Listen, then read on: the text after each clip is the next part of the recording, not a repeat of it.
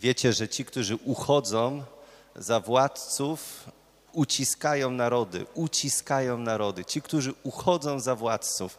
I w każdej wspólnocie pojawia się właśnie takie pragnienie, taka myśl, że ludzie do końca nie wiedzą, co dla nich jest dobre. Możemy przyspieszyć ten proces edukacji, takiego czynu jakiegoś społecznego, dlatego możemy ich trochę przymusić, uciskać, po to, żeby zrozumieli, co dla nich jest lepsze. I my w Kościele taki sam mamy y, system i wielokrotnie jakby ulegamy takiej pokusie. Łatwo to sprawdzić i zobaczyć, że nie wiem, na przykład straszymy młodzież, żeby chodziła na religię i mówi, mówimy im, że jak nie będziecie chodzić na religię, to nie będziecie mogli wziąć ślubu kościelnego albo nie będziecie mogli być ojcem lub matką chrzestną. Albo straszymy ludzi, że jak nie przyjmą kolendy, to nie będą mieli pogrzebu katolickiego. I wymyślamy jeszcze jakieś nowe groźby, żeby ludziom tutaj, ludzi postraszyć, żeby byli blisko tutaj kościoła i żeby byli blisko wspólnoty. No i oczywiście najbardziej popularne gnębienie wszystkich przygotowujących się do bierzmowania przez trzy lata, zbieranie pieczątek, podpisów po to, żeby w nagrodę później po trzech latach e, dostać bierzmowanie. W naszej wspólnocie, w naszej parafii staramy się takich rzeczy nie robić i wydaje nam się, że rozumiemy to, że przynosi to zupełnie odwrotny skutek e, od zamierzonego, ale taka pokusa cały czas gdzieś się pojawia. Co zrobić, żeby ludzi zmobilizować, żeby ich ucisnąć? A Jezus przedstawia nam zupełnie inną wizję, wizję wolności. Że tylko w wolności człowiek może wybrać go, że tylko w wolności człowiek może iść drogą Ewangelii, kochać Jezusa, kochać Kościół i służyć drugiemu człowiekowi. Kto by chciał być wielki między wami, niech będzie sługą wszystkich. Bo Syn Człowieczy nie przyszedł po to, aby Mu służono, lecz aby służyć i dać swoje życie na okup za wielu. I to jest zdanie z tego dzisiejszego fragmentu i uświadamiamy sobie, że Chrystus jest pierwszym sługą. Mimo, że my robimy z Niego króla, mimo, że my mówimy na Niego Panie i że On jest wszechmogący, to jest pierwszym sługą. Pierwszy oddał swoje życie. Pierwszy wybacza nam nasze grzechy za każdym razem, kiedy Go zdradzimy. Pierwszy daje nam swoją Ewangelię, czyli drogę do życia. I mówi, nie ukrywam nic, patrzcie jaki jest Bóg. Bóg jest pełen miłości, Bóg jest waszym Ojcem. Wszystko nam przedstawia, wykłada, można powiedzieć, kawę na ławę, a my cały czas jesteśmy jacyś tacy podejrzliwi i cały czas myślimy, no nie, pewnie byśmy musieli coś zrobić, żeby na to zasłużyć. A Jezus mówi, nic nie musisz robić, wszystko jest Uwierz, uwierz we mnie, idź moją drogą.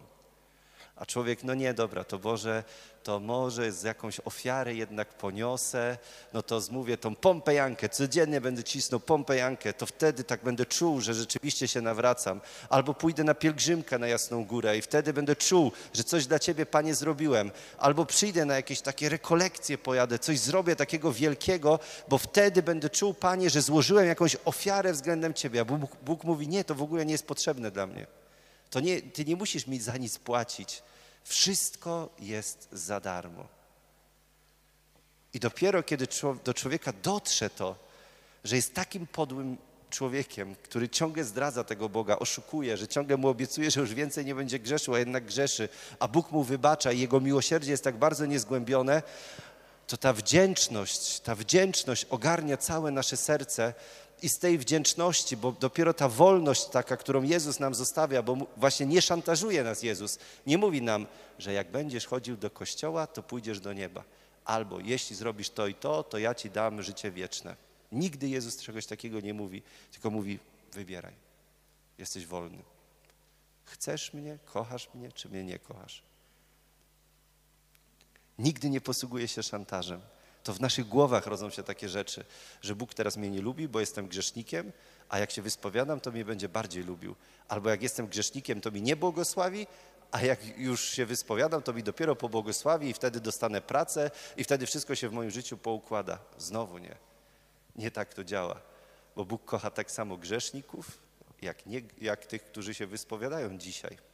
Nikt nie zasługuje na większą miłość Pana Boga. Każdy jest tak samo kochany. My tu mamy w naszej parafii około 200 pogrzebów rocznie. I no ja jak tu 6 lat jestem, no to tych pogrzebów już trochę odprawiam I jak ja pochodzę z murowanej Gośliny, albo wy pochodzicie z wiosek, albo z małych miejscowości, to na pewno zdajecie sobie sprawę z tego, że w wioskach tak jest, że jak ktoś umiera, to wszyscy sąsiedzi idzie. Jakaś reprezentacja z każdego domu idzie na pogrzeb, no bo jak później ktoś z tego domu umrze, to też wszyscy idą, nie? Więc jest jakaś taka solidarność na pogrzebach. W mieście jest zupełnie inaczej. Tutaj, jak się pogrzeb odprawia, to czasami nikt nie przyjdzie na pogrzeb. Nawet najbliższa rodzina albo dwie osoby przyjdą jakoś tak, staną tu i nie wiedzą za bardzo, co się dzieje na tym pogrzebie.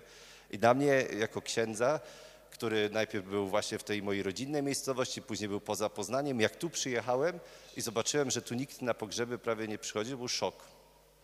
I tak się zastanawiałem, gdzie są te dzieci, gdzie są sąsiedzi, gdzie są wszyscy ludzie, których ci ludzie spotykali na swojej drodze. Nie? Dlaczego oni nie przychodzą tu modlić się za bliską osobę, która umarła? Ale dzisiaj e, jakby tak spokorniałem w tym wszystkim, że już nie mam wyrzutu do całego społeczeństwa, tylko sobie myślę, że może słusznie ci ludzie nie przychodzą na te pogrzeby. Dlatego, że może te osoby, co umarły, nigdy nie troszczyły się o to, żeby służyć, żeby zbudować relacje. Może były nieżyczliwe, nieuśmiechnięte, tylko cały czas żyły wiem, gdzieś tu w bloku, zamknięte w mieszkaniu, do nikogo się nie odzywały. To kto miałby przyjść na ten pogrzeb, jeśli one nie zbudowały nigdy wspólnoty z nikim?